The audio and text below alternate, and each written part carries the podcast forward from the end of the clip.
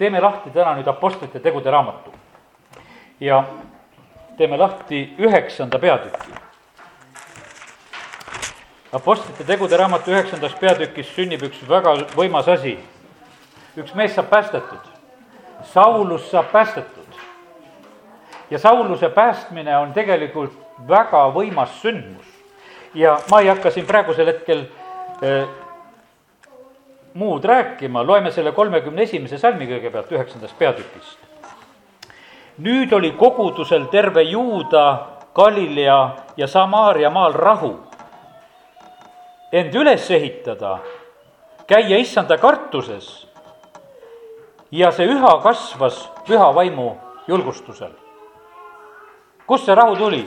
see rahu tuli sellepärast, et Saulusest sai Paulus rahu tuli sellepärast, et üks selline hästi usin religioosne tagakiusaja oli alla andnud, oli saanud päästetud.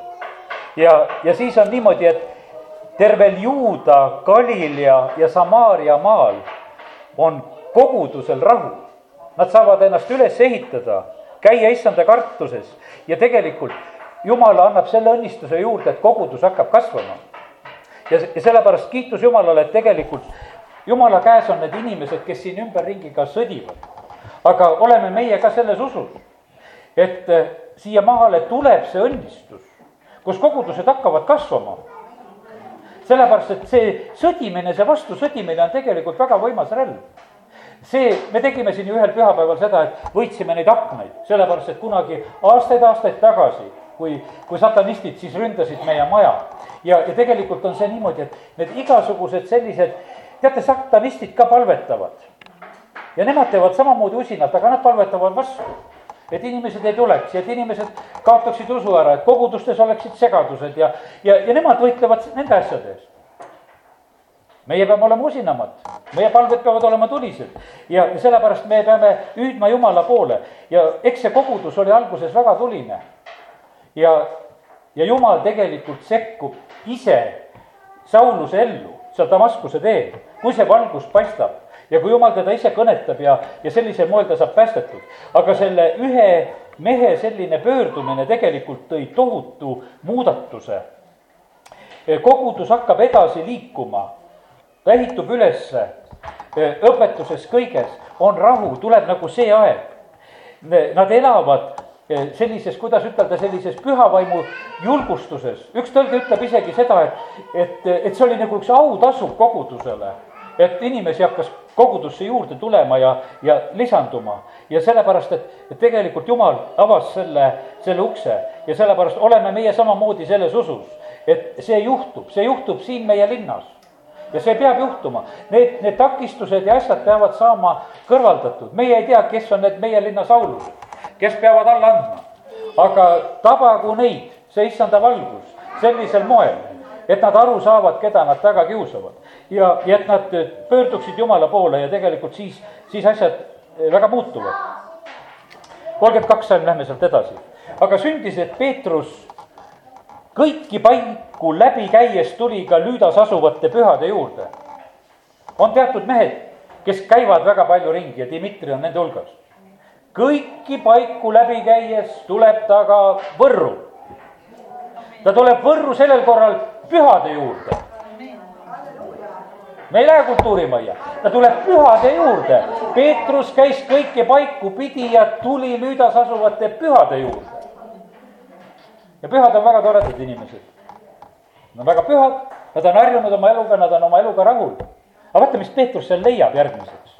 seal leidis ta ühe inimese, Ainias nimi, kes oli olnud halvatuna voodis juba kaheksa aastat. Peetrus leidis ühe haige inimese kes ise ei saanudki aru, et tal midagi on häda. seal voodis on ju nii hea olla, muudkui ole. kaheksa aastat olnud ja mitte mingisugust soovi terveks saada. Peetrus leiab teda ja ütleb talle, kuule, aitab küll juba. Ainias, Jeesus Kristus teeb su terveks, tõuse sea ase korda, oma ase korda. ja Ainias tõusis kohe. kallid, mis asjaga meie oleme ära harjunud, üks vend jutustas, see oli Riias sellel kolmapäeval ütles, et kui tema tütar tegelikult vähki jäi, ta on vanem selline pastor praegusel hetkel ja ta ütles, et tütar oli kolmeteistaastane ja oli vähjas, arstid tahtsid opereerida selle tüdruku kõhu puhtalt tühjaks. ta ütles, et ma ei lepi sellega, et minu tütar jääb viljatuks ja ta nii võitles. ütles, et ma helistasin saja viiekümnele inimesele vähemalt, ütles mul telefonis kuskil viissada numbrit. tähendab, hea telefon oli, et palju numbreid mahtus. ütles, ma helistasin kõigile oma tuttavatele nii palju, kui ma olin, ta on üks äh, uue põlvkonna pastor kuskil, ma ei teagi, mis riigis. kas Ukrainas või Venemaal, kuskilt on see. ja, ja ütles, et tuli abi jumala käest ei tulnud lihtsa võitlusega, seda tuli mitmel korral teha. ja see võit tuli nii, et see tütar tunnistati täiesti terveks, see vähk kadus täielikult ära. ja, ja siis ta ütles sedasi, aga osad lep-, lepivad, et tal on mingid pluss kümme prillid ja nagu kümnekordsed silmad on ees. ja noh, ma olen harjunud sellega, ma lepin sellega. aga täna ma tahan rääkida seda, et võib-olla meie juures on neid asju, mida me lihtsalt sallime vaikselt. ja leidku Dmitri need asjad ülesse. ütleb, et kuule, aitab juba aitab sulle juba leppida selle oma häda või asjaga. ja sellepärast siin on niimoodi, et see Aines on haige kaheksa aastat, noh, ja Peetrus leiab, ütleb, et kuule, mis jaoks. Peetrus oli tegelikult väga hea tervendusevangelist. nii vägevat, palju üldse ta kõrvale saab anda. viis, viisteist apostlite tegudes, kui vari langeb, inimesed saavad terveks. vari langeb, inimesed saavad terveks Peetruse kiri on see, kus me tsiteerime kogu aeg, et vermete läbi on tervis tulnud. Peetrus on see, kes selle kirjutab ja sellepärast Peetrusel oli see, see tervenduse asi tegelikult üsna selline selge ja, ja kohal. ja sellepärast kõiki paiku läbi käies, ta tuleb ta Lüüdasse ja on seal pühade juures ja seal pühade juures ta leiab selle haige.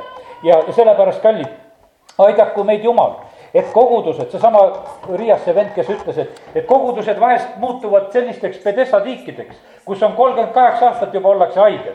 ja lepitakse sellega, et muudkui ollakse ja ollakse. aga peab tulema see päev, kus tegelikult võtad voodi ja kõnnid, kus tegelikult tuleb see muutus.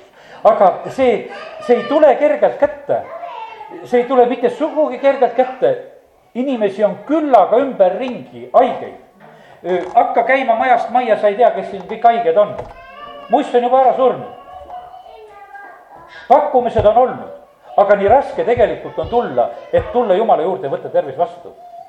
see on tohutult raske tegelikult inimestel, aga kui me teeme selle otsuse, et me tahame seda, siis me tegelikult saame seda ja sellepärast kiitus Jumalale, et Jumal on tegelikult oma pakkumisega meie ees ja teate, mis juhtub selle peale, kui, kui inimesed saavad terveks? kui ka sellised, ütleme, staažikad haiged saavad terveks, siis juhtub see ja kõik Lüüda ja Saaroni elanikud nägid teda ja pöördusid issanda poole.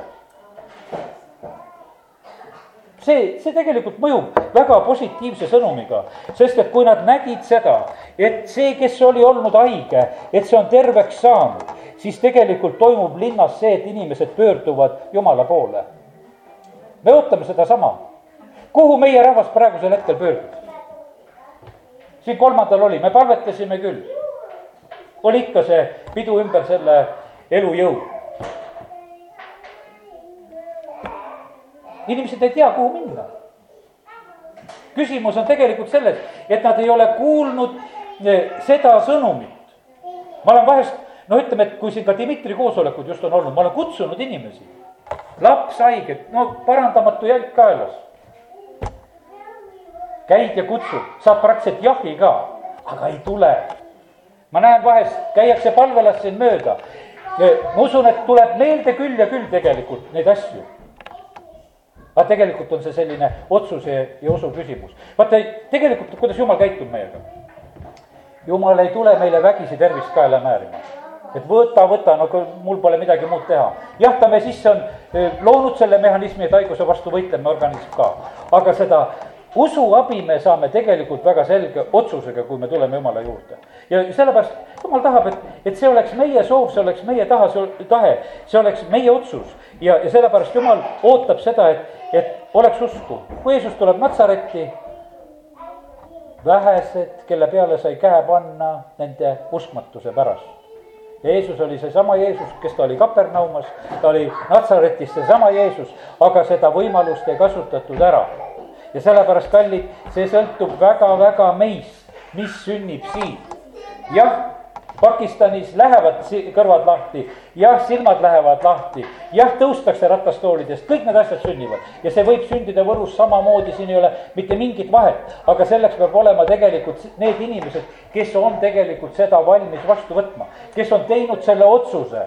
Ja, sellepärast see on praegu tegelikult selline võimalus meie käes, aga kuidas me selle kasutame, see sõltub väga palju meist ja, ja sellepärast on see nii, et aidaku meid Jumal, et me oskaksime neid inimesi, keda me kutsume, tegelikult panna nagu selle fakti ette, et, et see on tegelikult nende, nende võimalus. see on nende võimalus, millest nad võivad ki, kinni haarata ja see läheb lihtsalt mööda, kui, kui nad sellest kinni ei, ei haara. ja nii ta oli, seal näed, Lüdas, Peetrus aitas vähemalt selle ühe ära ja järgmine lugu on Peetrusest veelgi vägevam lugu Jope on see Jahva linn seal mere ääres, kolmkümmend kuus salmi sealt edasi. E, naisjünger nimega Tabita see on tõlkes Kasell, tema elu oli täis häid tegusid ja jagas palju almuseid. aga neil päeval juhtus, et ta jäi haigeks ja suri. ta pesti ja pandi ülemisse tuppa. aga Lüüda on Jope lähedal. siis jüngrid kuuldes, et Peetrus on seal läkitasid kaks meest tema juurde palvega, ära viivita meie juurde tulekuga Peetrus tõusiski ja läks nendega. kui ta pärale jõudis, viidi ta ülemisse tuppa ja kõik lesknaised tulid tema juurde, nutsid ja näitasid särke ja kuubesid, mida ka sel nendega olles oli teinud. aga Peetrus ajas kõik välja, heitis põlvili, palvetas ning pöördus ja ütles sur-, surnukehale. Tabita, tõuse üles. tema avas oma silmad ja tõusis Peetrust nähes istuma. aga Peetrus andis talle käe ja tõstis ta püsti, hüüdis sisse pühad ja lesknaised ning seadis ta Pita elavalt nende ette. aga see sai teatavaks kogu Joppes ja paljud hakkasid uskuma issandasse. ja Peetrus jäi mitmeks päevaks Joppesse ühe nahkur Siimona juurde. siin on võimsam lugu juba, see surnu ärkas ülesse. seal Lüüdas ja Saaronis inimesed pöördusid Jumala poole, aga siin nad hakkasid uskuma see on suur vahe. andsin eile ühele ku, selle kutse, et tule koosolekule.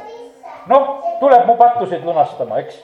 no käis korras kerge naeratus läbi, õllepudel ühes käes, teine, no mis siis, midagi on saada. aga see ei ole usk, see on teatud pöördumine ja selles on ka kergendus, kui sa saad oma pattude andestuse, sa palud andeks. See on nagu peale sauna saad kergemaks, aga järgmiseks laupäevaks jälle must ja raske olla, eks ja mingit vahet ei ole, aga selle korra kergenduse saab. aga kui sa hakkad juba usus käima, vaata, siis on teine lugu. siis on, siis on täitsa teine lugu ja sellepärast me tahame seda, et siin oleks see, et inimesed hakkaksid uskuma issandasse, hakkaksid teda usaldama võtaksid teda oma päästjaks vastu, sellepärast et see ei ole mingisugune soov, et meil oleks inimesed natukese tervemad et haigekassal vähe kergem siin Eestimaal. et me sellele töötame praegusel hetkel kaasa, et nad ei saa ka hakkama ja peavad jõuluajal raha kuskil korjama. aga mitte see ei ole meie idee, meie idee on see, et nad hakkaksid issandasse uskuma. et nad saaksid päästetud, sellel on tegelikult igavene kasu. ma usun, saame aru, kui tähtis see on.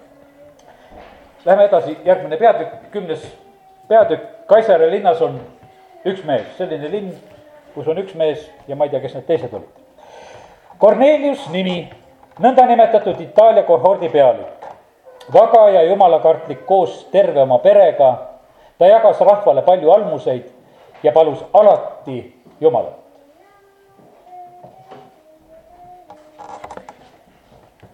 on üks mees Kaisarias. Tema positsioon, ta juhib umbes kuutesadat meest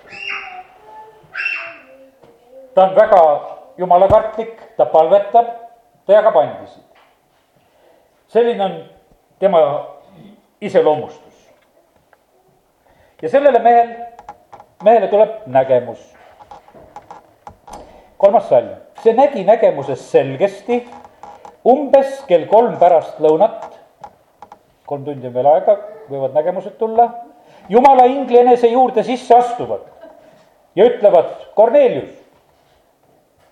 tema vaatas ain-, ainult ingli otsa ja ütles kartma lüües, mis on isand? see ütles talle, sinu palved ja su almused on tõusnud Jumala ette sind meelde tuletama. teate, meie elust paljud asjad tõusevad Jumala ette. mis asjad tõusevad vist Jumala ette? Me tahame uskuda seda, et meie ohvrid tõusevad Jumala ette, me tahame uskuda seda, et meie palved tõusevad Jumala ette. Nende palvetega on ka tõesti, et olgu siis nad usupalved, siis nad tõusevad paremini Jumala ette. olgu nad tulised palved, siis nad tõusevad paremini Jumala ette. no kiitus Jumalale, et Jumal vahest kuuleb neid selliseid südame ohkamisi ka, nagu see röövel seal ristil. et noh, mõtle mu peale, ka saab päästetud. kiitus Jumalale, et Jumal on tegelikult nii hea, kui ta näeb, et see tuleb südames ja rohkem ei oska, siis see, sellest piisab. ja need asjad tõusevad Jumala ette. Need, mida me anname vaestele, see tõuseb Jumala ette. sellepärast, mille pärast see tõuseb Jumala ette, ma olen ikka seda korralt, korranud ja rääkinud ju. sellepärast, et Jumal on oma sõnast tõotanud, et, et tema tasub sulle see heateo. aga kuidas ta tahab tasuda? tal peab olema arvepidamine selles asjas. ja sellepärast ta, ta on tõotanud ja ta ei, sellepärast on see, et kui sa aitad vaest inimest siis on seal üks kolmas osapool, kes on tegelikult jälgimas, sest jumal on andnud oma tõotuse, et mina tasun, kes halastab kehva peale, mina tasun hea teo ja sellepärast meie jaoks on võib-olla see kummaline, et nii paljud asjad tegelikult tõusevad Jumala ette. me vahest tahame teha nagu ise mingisuguse valiku. me oskame teha seda oma palvetega, et millega me läheme Jumala ette, millega me tahame ise hakkama saada ja mõne asja tahaks üldse Jumala eest ära peita, et ta seda ei näeks. aga kallid, see on meie valikutest sõltumata, asjad tõusevad Jumala ette. ja, ja sellepärast kiitus Jumalale, et ta on hea Jumal, kes nende heade asjade eest tegelikult tuleb, tuleb meid ka õnnistama, nii läks nagu läks see Korneeliusel. aga hoidku Jumal meid selle eest, et me elus ei oleks neid asju, mis nagu halbade asjadena tõusevad Jumala ette. ma toon nagu võib-olla mõned sellised negatiivsed näited ka, mida Jumala sõna näiteks meile näitab. Habakuki raamatu kakskümmend ja sealt edasi natukene loen sa oled oma kavatsustega häbistanud oma koja, oled hävitanud paljusid rahvaid ja oled teinud pattu oma hinge vastu. sest kivimüüris kisendab ja sarikapuu vastab temale. häda sellele, kes ehitab verega linna ja rajab ülekohtuga linnust. sellepärast, kallid, see on nii, et, et jumala jaoks on see, vaata see materiaalne maailm mis meie jaoks on mingi puu ja krohv ja, ja ei tea, mis asi. Need asjad kõik räägivad. Dmitri õpetab väga hästi sellest, et kõik on häälest. jumal ütles, kõik on häälest ja sellepärast need elutud asjad meie jaoks võivad olla sellised, et noh, need on elutud, et need meid välja ei anna. aga kui on see varastatud asi seal seinas, kui on ülekohtuga võetud asi seal seinas, siis need seal räägivad räägivad need kivid ja räägivad need sarikapuud ja räägivad need asjad. meie e, vend Punt, kes oli meie koguduses, ta poeg on ka nüüd igavikku läinud, ma usun, et mõni veel mäletab, käis ikka siia kogudusse. ta ütles, et, et tema oli ükskord lohistanud vist ühe puu metsast ära mingisuguse, lihtsalt oli kuskil, oli tirinud selle koju endale. isa läks, viis selle metsa tagasi. Te ei too seda siia aga nüüd poeg oma vanas eas tuletas meelde oma usklikku isa, et kui ausalt ta tegelikult käitus. ei olnud õigust sealt metsast võtta, ei olnud oma mets, ei olnud oma koht, aga sa olid selle sinna lohut-, lohistanud ja isa läks, viis selle puu sinna metsa tagasi, ütles, ei, seda ei tule meile ja kallid, sellepärast on see nii, et tegelikult need asjad, mida me teeme ja oleme ja elame, need on meie ümber tegelikult rääkimas. vaata tööliste palk, Jakobuse kiri viis neli ütleb mille te olete jätnud oma põldudel lõikajatele maksmata. kisendab viljakoristajate karjed on tunginud vägede issanda kõrvu. töövõtjad vahest ja, ja igasugused e, asutused ja värgid mõtlevad, et nad teevad, mis tahavad, kuidas nad inimestele palka maksavad. aga on üks, kes selle asja üle val-, valvab kas asi on õiglane või mitte, kas on makstud või ei ole makstud või mismoodi makstakse, kuidas see asi käib. ja sellepärast jumala sõna avab neid asju meile, et ka jumal jälgib sinu palgapäevasid, ta jälgib neid asju. kui viies Mooses kakskümmend neli, viisteist on öeldud, anna temale ta palk samal päeval, enne kui päike loojub, sest ta on kehv ja ta hing igatseb seda palka, et ta ei hüüaks su pärast issanda poole, see oleks sulle patuk. kui vaene inimene teeb oma suu lahti oma hädas, siis see on väga otsene kõne Jumalale. ja, ja see on otsene süüdistus nendele, kes, kellest võib-olla see inimene sõltub praegusel ajal ei ole seda kommet enam, nõukogude ajal oli niimoodi, et oli palgapäev ja avansipäev, praegu raamatupidamised elavad kergemat elu. ega nad ei viitsi, ei taha seda avanssi anda, aga siis oli iga kahe nädala tagant oli palk käes ja vaesemal inimesel oli see väga oluline ja tähtis. Inglismaal pidid iga nädala lõpp maksma palga välja ja, ja sellepärast see on vaesemale inimesele väga tähtis, aga vahest need viivitavad ja viivitavad ja viivitavad ja viimaseni viivitavad, et millal seda välja maksta. ütleme, et võib-olla riigiasutused ja omavalitsused, need on ainult kiired maksma. aga noh, ma mõtlen oma töötajatele, mõni raputab pead. aga kiitus Jumalale, nad kedagi, kedagigi peavad. ja sellepärast, aga Jumal paneb neid asju tähele. aga olgu, jätame selle jumala ette tõusevad siis need asjad, mis me valesti teeme, aga jumala ette tõusevad need asjad, mis me õieti teeme, tõusevad meie palved ja Korneliusel olid need õiged asjad, mis olid jumala ette tõusnud. ja nüüd on jumal tegelikult autasustamas teda. ta ütleb, et nüüd on selline lugu, ma õpetan sind, saada nüüd mehi Joppesse ning lase kutsuda Siimon, kelle hüüdnimi on Peetrus, see on kümme viis. tema on külaliseks Nahkur Siimone juures kelle koda on mere ääres. väga täpsed juhised, inglid tulevad, räägivad, teavad, kus on Peetrus, kelle juures ta on, kuidas on.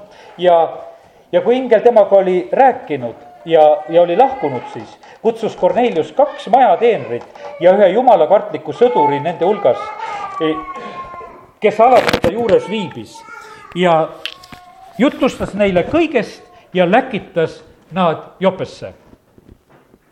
nüüd on niimoodi, et et tore on näha sedasi, et Korneliusel olid väga ustavad lähedased oma sulased, kes olid olemas. kaks neist ta kutsus ja kolmanda sõduri ka veel, kes alati ta juures viibis. ja ta jutustas neile kõigest ja läkitas nad Jopesse. me teame seda, et Jeesus ütleb meile ka seda, et ma ei nimeta teid enam orjadeks, sest ori ei tea, mida isand teeb. Teid ma olen nimetanud sõpradeks, sest ma olen teile andnud teada kõik, mida ma olen kuulnud oma isalt tasub olla väga jumala lähedal, tasub olla sõber. tegelikult siis sa saad seda informatsiooni, mis on nii oluline ja, ja tähtis. ja siis me näeme sedasi, et, et need ustavad lähevad ja, ja lähevad Jopesse, sealt Kaisa, Kaisariast siis, et otsida Peetrust. ja, ja Peetrus on sellel ajal, Peetrusel kõht tühi, läinud katusele palvetama, talle valmistatakse sellel ajal süüa. ja, ja tegelikult Peetrusele tuleb võimas nägemus. Peetrus on loomaaias loomaaias on ebapuhtad loomad. kui sa loed eh, neid ebapuhtaid loomi, siin on ka kirjutatud, et selle sees, selle lina peal, mis sealt taevast alla lasti, eh, oli igasuguseid ilmamaa neljajalgseid ja roomajaid ja taevalinde. ja tavaliselt ei ole loomaaias, öeldakse, et kuule, et, et tapa ja söö vaid eh, seal ei tohi puutuda ja ei tohi toita ka neid. aga Peetrusel on niimoodi, näidatakse neid igasugu loomi ja öeldakse, tapa ja söö. seda tehakse talle tegelikult kolm korda. ja millised loomad seal võisid olla? siin otseselt ju Apostlite teod ei kirjuta meile, aga kolmas Mooses üksteist peatükk eh, räägib nendest loomadest. ja ma teen korraks selle lahti, et lihtsalt mõnda looma nimetada. seal oli kaamel neljandast salmist, seal oli kaljumäger, seal oli jänes ja siga. see on, tuleb nagu muinasjutt juba välja, et, et kes seal kõik olid. ja, ja siis olid seal need äh, kalu ja asju, kellel uimed, soomused, eks, mis siin on, siis oli seal kotkad. aga mis kotkas jänesega teeks? ise võid arvata, kolmteist salm räägib kotkas, lambakotkas isegi. ja must raisakotkas oli seal siis olid seal need kullid, mis kull see oli, argsabakull, raudkull liikidega, kõik kaarnad. jaanalind oli oma suurte munadega, kägu, kajakas, haugas, kakuke, kormoran, kassikakk, öökull, puguani, raisakull, toonekurg, haigur oma liikidega, vaenukägu ja nahkhiir ma lugesin täna hommikul neid, et kuidas nendega on. siis on igasugused sitikad, kes kõnnivad nelja jalal. aga vaata, kui need rohutirtsud hüppavad, neid võib süüa, Rist Johannes sõi ka neid. et mis hüppavad, neid võib süüa, mis ei hüppa, neid süüa ei või. me tavaliselt nendest asjadest väga ei loe. ja siis on seal veel, kes seal veel olid, seal oli mutt, hiir, sisalik oma liikidega, see on salm kakskümmend üheksa siit sellest peatükist. ja siis on roomajad no roomajad, ussid olid ka seal vahel, kõik need loomad ja selline rahu tegelikult valitses seal. üks ühte ei söönud, vaid Peetrusele öeldi, et sina võid süüa neid kõiki. ja, ja näidatakse kolm korda siis on roomajatel on ka veel, kes kõhu peal roomavad ja kellel on siis teatud kas neli jalga või rohkem jalgu all. nii et eh, kõigist nendest on kirjutatud, aga rohkem ma loomajutte ei räägi. loomaaedadega läheb ka vahest nagu läheb, nagu Gruusias läks, läks, läksid laiali. ja väga, väga ohtlik olukord oli, kes seal inimesed kiukusid selle tõttu. Jah, aga Peetrusele näidatakse seda. ja tead, ja Peetrus on loomaaias täiesti teine selline kogemus, no ma ütlen, et, et kui sinu silmade ees on need igasugused elukad, mis mõtteid sa tegelikult mõtled? tegelikult sellel hetkel jumal sekkub talle ja ütleb sedasi, et kuule, lugu nüüd on niimoodi, nüüd on kolm meest on ukse taga. ja, ja sa lähed kõhklemata nendega kaasa. sa lihtsalt lähed. Sest tegu oli niimoodi, et, et hullem kui loomaaeda minek, tegu oli paganate juurde minek. Peetrusel oli tegelikult võtta ja ma usun seda, kallid, me ei ole sellest samast asjast vabad. me väga täpselt teame, kuhu me läheme ja kuhu meie ei lähe. kellega me suhtleme või kellega me ei suhtle. meil on mingisugused piirid on meile paika pandud. vend Dmitri on väga alandlik vend, ma mäletan seda, et esimest korda, kui ma teda Riiasse tõin Võrru koosolekule kandlasse tulime, istus seal vaikselt, luges ja oli seal mu kõrval ja ja seda pärast tunnistas, mõtlesin, noh mingid baptistid kutsuvad, et mõni, mõni vanainimene seal koos ja sinna ma tulen. ta oli tegelikult rõõmus, kui nägi, et kultuurimajas on palju rahvast ja, ja tore on koos. siis, aga ta tuli nagu sellise teatud arvamusega, tal mingisugune mälestus, kuskilt mingisugune koge-, kogemus, mis tal oli jäänud. aga ta otsustas, ta tuleb. kui kutsuvad, tuleb.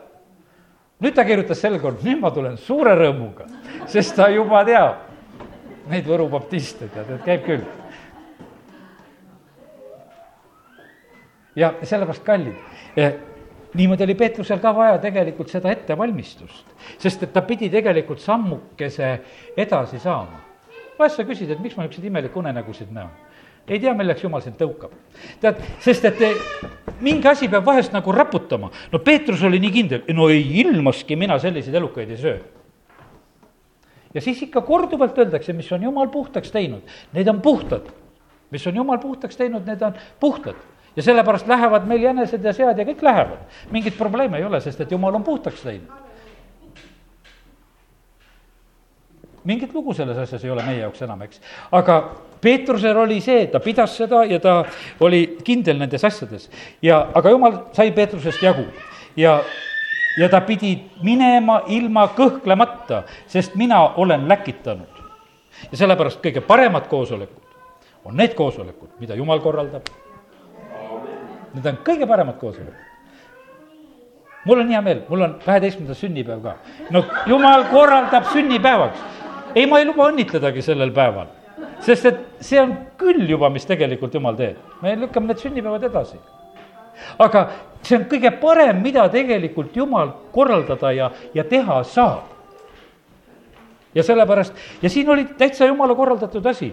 ja nüüd on niimoodi, et Kornelius oma need ustavad sulased saadetud, ise tegelikult hoolitseb selle eest, et ta omas majas oleksid, rahvas oleks kohal ja Kornelius ootas neid kakskümmend neli salm lõpuosa juba ja oli oma sugulased ja lähemad sõbrad kokku kutsunud.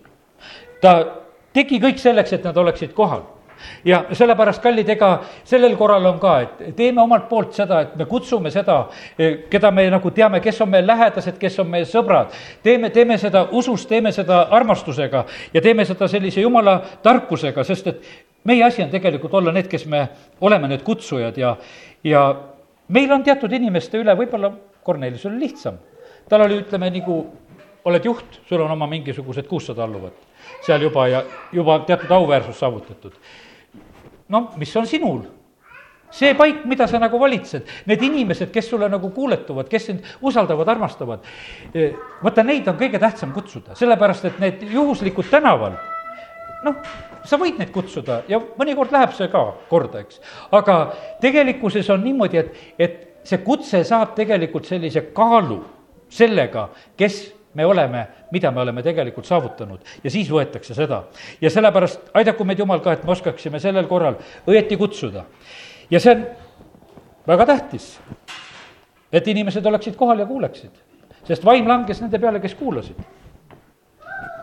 Ja sellepärast ma ütlen, et ka meie ise, kes me tuleme kokku, me peame tulema sellise igatsuse ja jänuga, et jumal, mida sa tahad rääkida, mida sa tahad anda mille pärast me saame sellistel, ütleme, konverentsi jumalateenistustel ja kohtadel sageli, kuhu, kuhugi läheme, saame niisuguse täisõnnistuse kätte. sest me läheme otsusega, me tahame saada. me sõidame, me võtame aja, me teeme kõik. ja siis me saame.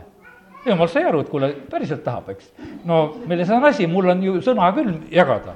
Mul ei ole seda ilmutuse puudust ja sellepärast, ja siis see on olemas ja aga kui me tuleme sellised, ah, niisugune tavaline värk või ma üldiselt nagu vaatan, et eh, mis saab. kui oli Hosjana ärkamine, ma mäletan, siis oli niimoodi, et, et olid need inimesed, kes läksid kokku saama ja siis öeldi, et tulge eestpalvele. praktiliselt terve saal läks.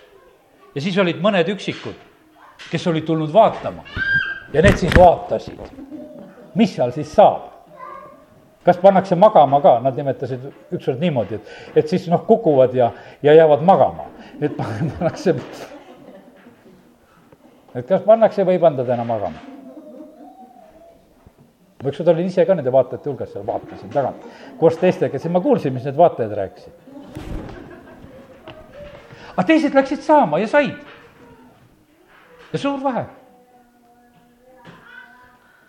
ja sellepärast jumala jõgi on siin, aga sinna jõkke sa pead minema, sa pead ujuma, sellepärast et teisiti see ei ole võimalik kätte saada. ja, ja kiitus Jumalale, et Jumal on tegelikult meie peale nõnda mõelnud. ja ole sellepärast ootuses ja, ja meie asi on nüüd teha lihtsalt, et neid inimesi tuleks kokku. jutlus oli lihtne, räägiti Jeesusest. ja ma olen üsna kindel, et Dmitri tuleb, räägib ka Jeesusest ja, ja, ja selle, ja sellepärast, no meil ei ole paremat sõnumit. aga vaata, selle jutu peale langeb vaim. ja kui ta neid alles sõnu rääkis, ei lastudki tal seda juttu lõpuni rääkida, langes vaim teised keeled, asjad, inimesed saavad püha vaimuga ristitud, täituvad jumala vaimuga. pärast seda hakkab arutelu, et kuule, et nüüd tuleks veega ristida. meil tuleb ka veega ristida, need inimesed, kes saavad päästetud ja kes on juba päästetud ja kes ei ole veega ristitud Tamula on puhas juba, inimesed käivad ujumas. siin jaanipäeval palvetasime, olime kurvad, Tamula ei kõlba ujumiseks. siis ei kõlba ka ristimiseks, kui must vesi mõtlesime, ei saa. palvetasime, järgmine päev võeti proovid, vesi on puhas. ja sellepärast kiitus Jumalale, et, et ka seesama lugu ja sellepärast on sama tähtis asi see, et, et meie teeksime nagu selle sammu ära, et, et ka see ristimisveest läheksid inimesed läbi. jumal on meid kutsunud seda sammu tegema see on usuelu alguse samm Egiptusest välja ja merest läbi. kõik ristiti meres. midagi teada, pidi olema see merest läbiminek, see veest läbiminek ja uuel taeval maal üldse enam merd ei olegi. aga siin selles maailmas on vesi niivõrd olulisel kohal ja need asjad on. ja ega Peetrusel kergesti ei läinud kui ta läheb Jeruusalemma, üksteist peatükk tegelikult räägib, ma tegin korraks piibli lahti veel, et äh, teda võetakse seal läbi, et miks sa käisid nende ümberlõikamatute juures. Peetrus siis seletab kõik järjest ära, siis tegelikult lepitakse selle asjaga, aga ma loen selle neljateistkümnenda salmi siit üheteistkümnendast peatükist veel. tema räägib sulle sõnu, mille läbi sina ja kogu su pere saate päästetud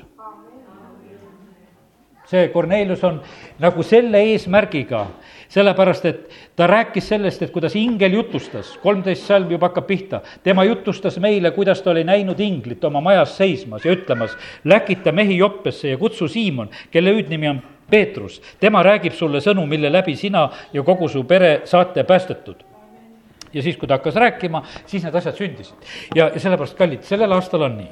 aasta kaks tuhat viisteist, mina võtan neid üsna otseselt Riia järgi Aleksei Ledev, selle liikumise juht, apostel, on välja rääkinud seda ja kutsunud üles oma koguduses inimesi. see on aasta, kus kutsuge jumala mehi oma koju. praegusel hetkel meil on see Korneliuse koosolek, et jumal on ise selle korraldanud ja ütelnud, et kutsu ka ja oleme kutsunud ja nüüd ongi see asi. aga sinu oma kodu ja need paigad ja kohad on tegelikult, on need, eh, need, kus tegelikult on nagu meie asi veel seista selle asjade eest ja ma ei mõtle seda ainult, et on see Dmitri, vaid jumala sulased, kes oleme siin selles koguduses, samamoodi on täpselt seesama, sama asi, see, see toimib. see toimib lihtsalt selle, selle kuulekuse ja õnnistuse rea tõttu, mis on, sest et kui jumal ütelda, et, et sellel aastal see käib nii, siis ta käib nii. ja sellepärast on see, see õnnistuse võimalus ja kasutame, kasutame neid võimalusi, mis on meie käes. sest et, et need koosolekud ja asjad, mida jumal korraldab ja sellepärast ma ütlen, ma ei sunni mitte kellelegi peale, et sa pead midagi välja mõtlema.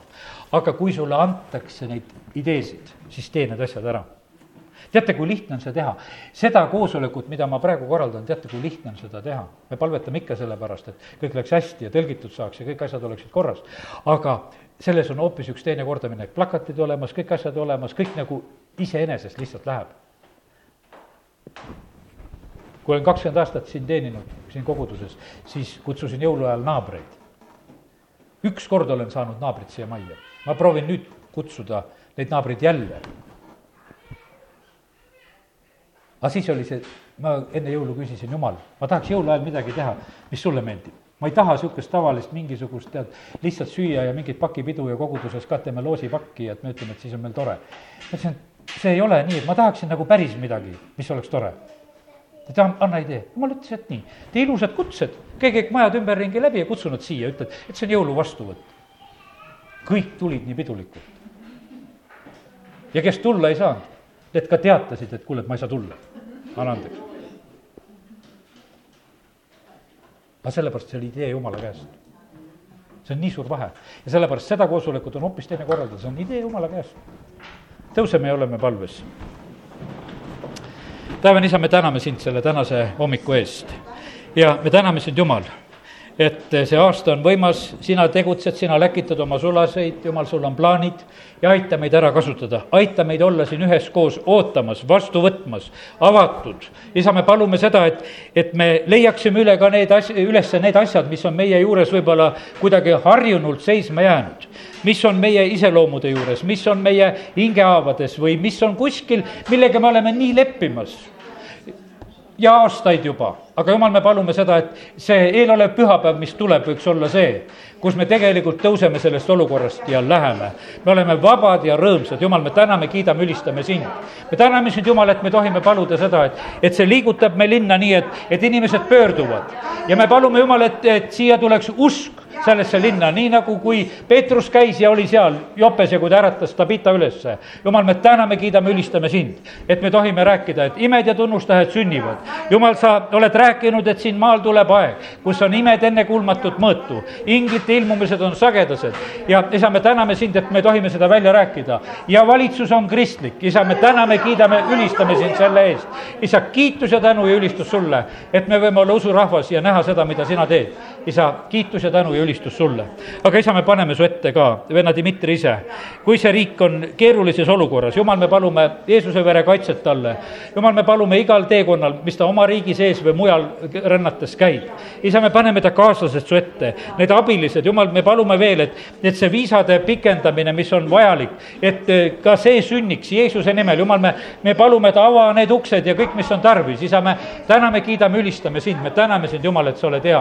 isa, kiitus ja tänu ja ülistus sulle, me täname, kiidame, ülistame ja austame sind Jeesuse nimel.